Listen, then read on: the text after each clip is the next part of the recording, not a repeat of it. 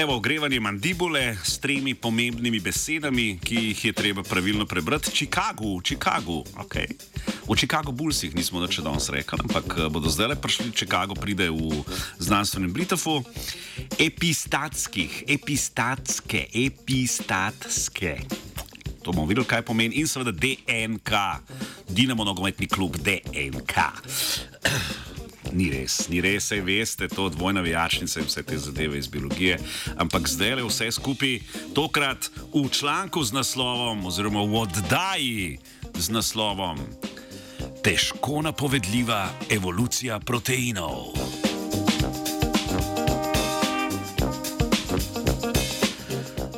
Raziskovalna skupina z Univerze v Chicagu je ovrednotila vpliv mutacij v evolucijski zgodovini živalskega steroidnega receptorja.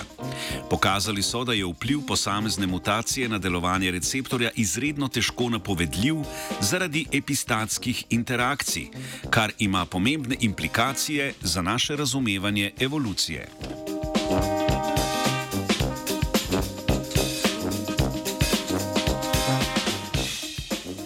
Moderna teorija evolucije predpostavlja postopno spreminjanje organizmov zaradi mutacij v genomu, ki privedejo do povečane ali zmanjšane reproduktivne uspešnosti organizma. Spreminjanje reproduktivne uspešnosti se zgodi zlasti zaradi vloge mutacij pri določanju aminokislinskega zaporedja in posledično zgradbe proteinov, ki uravnavajo številne celične procese. Ker je delovanje proteinov v veliki meri odvisno od njihove zgradbe, mutacije v proteinu posredno vplivajo na njegovo delovanje s spreminjanjem zgradbe. Odkrivanje odnosa med zgradbo proteina in njegovim delovanjem je vse prej kot enostavno. Znanstveniki in znanstvenice pa šele dobro spoznavajo naravo vpliva aminokislinskega zaporedja proteinov na njihovo delovanje.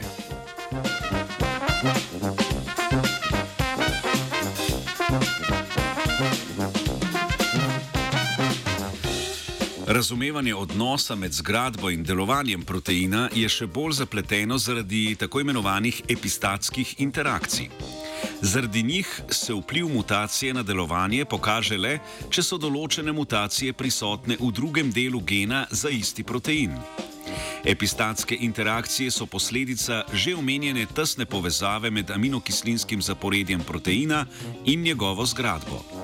Če tudi pri razumevanju razvoja proteinov upoštevamo epistatske interakcije, je ocena njihovega resničnega obsega in vpliva mnogo manj poznana.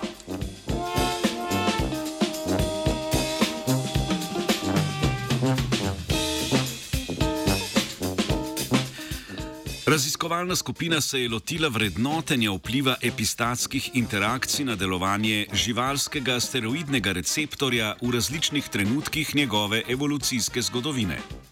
Raziskovalke in raziskovalci so na podlagi današnjih DNK zaporedi izdelali teoretična zaporedja prednikov današnjih steroidnih receptorjev, ki so se prvič pojavili v evolucijski zgodovini pred približno 700 milijoni let. Na to so v teoretična zaporedja unesli množico mutacij ter vrednotili vpliv teh na delovanje proteina.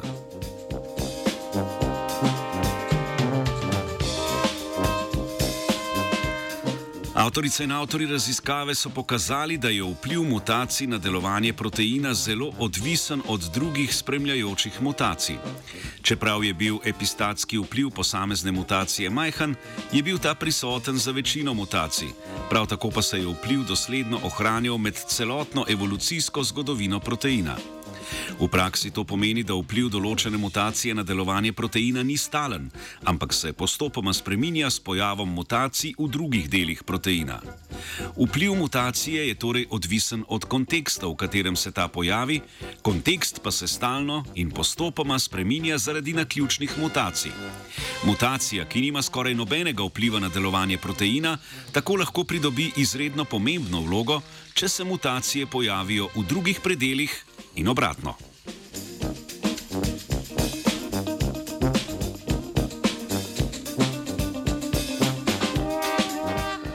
Po mnenju avtorjev in avtoric raziskave je naravo epistatskih interakcij v proteinu z znanim zaporedjem možno določiti za znan evolucijski trenutek. Vendar, ker se mutacije v genomu pojavljajo na ključno, je izredno težko napovedati, kakšen bo teren možnih epistatskih interakcij v prihodnosti. Avtorice in avtori zato opozarjajo, da se vsak nadaljni korak evolucije proteina lahko napove le z določeno verjetnostjo. Z vsakim korakom pa se verjetnost napovedi manjša do praktične nepredvidljivosti.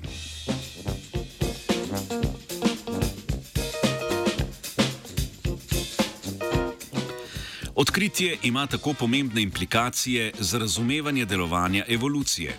Prvič, zaradi epistatskih interakcij je izredno težko določiti, kakšen vpliv je imela mutacija prvotno ob svojem nastanku, in drugič, težko je napovedati potek evolucije proteinov ter posledično tudi organizmov v prihodnosti.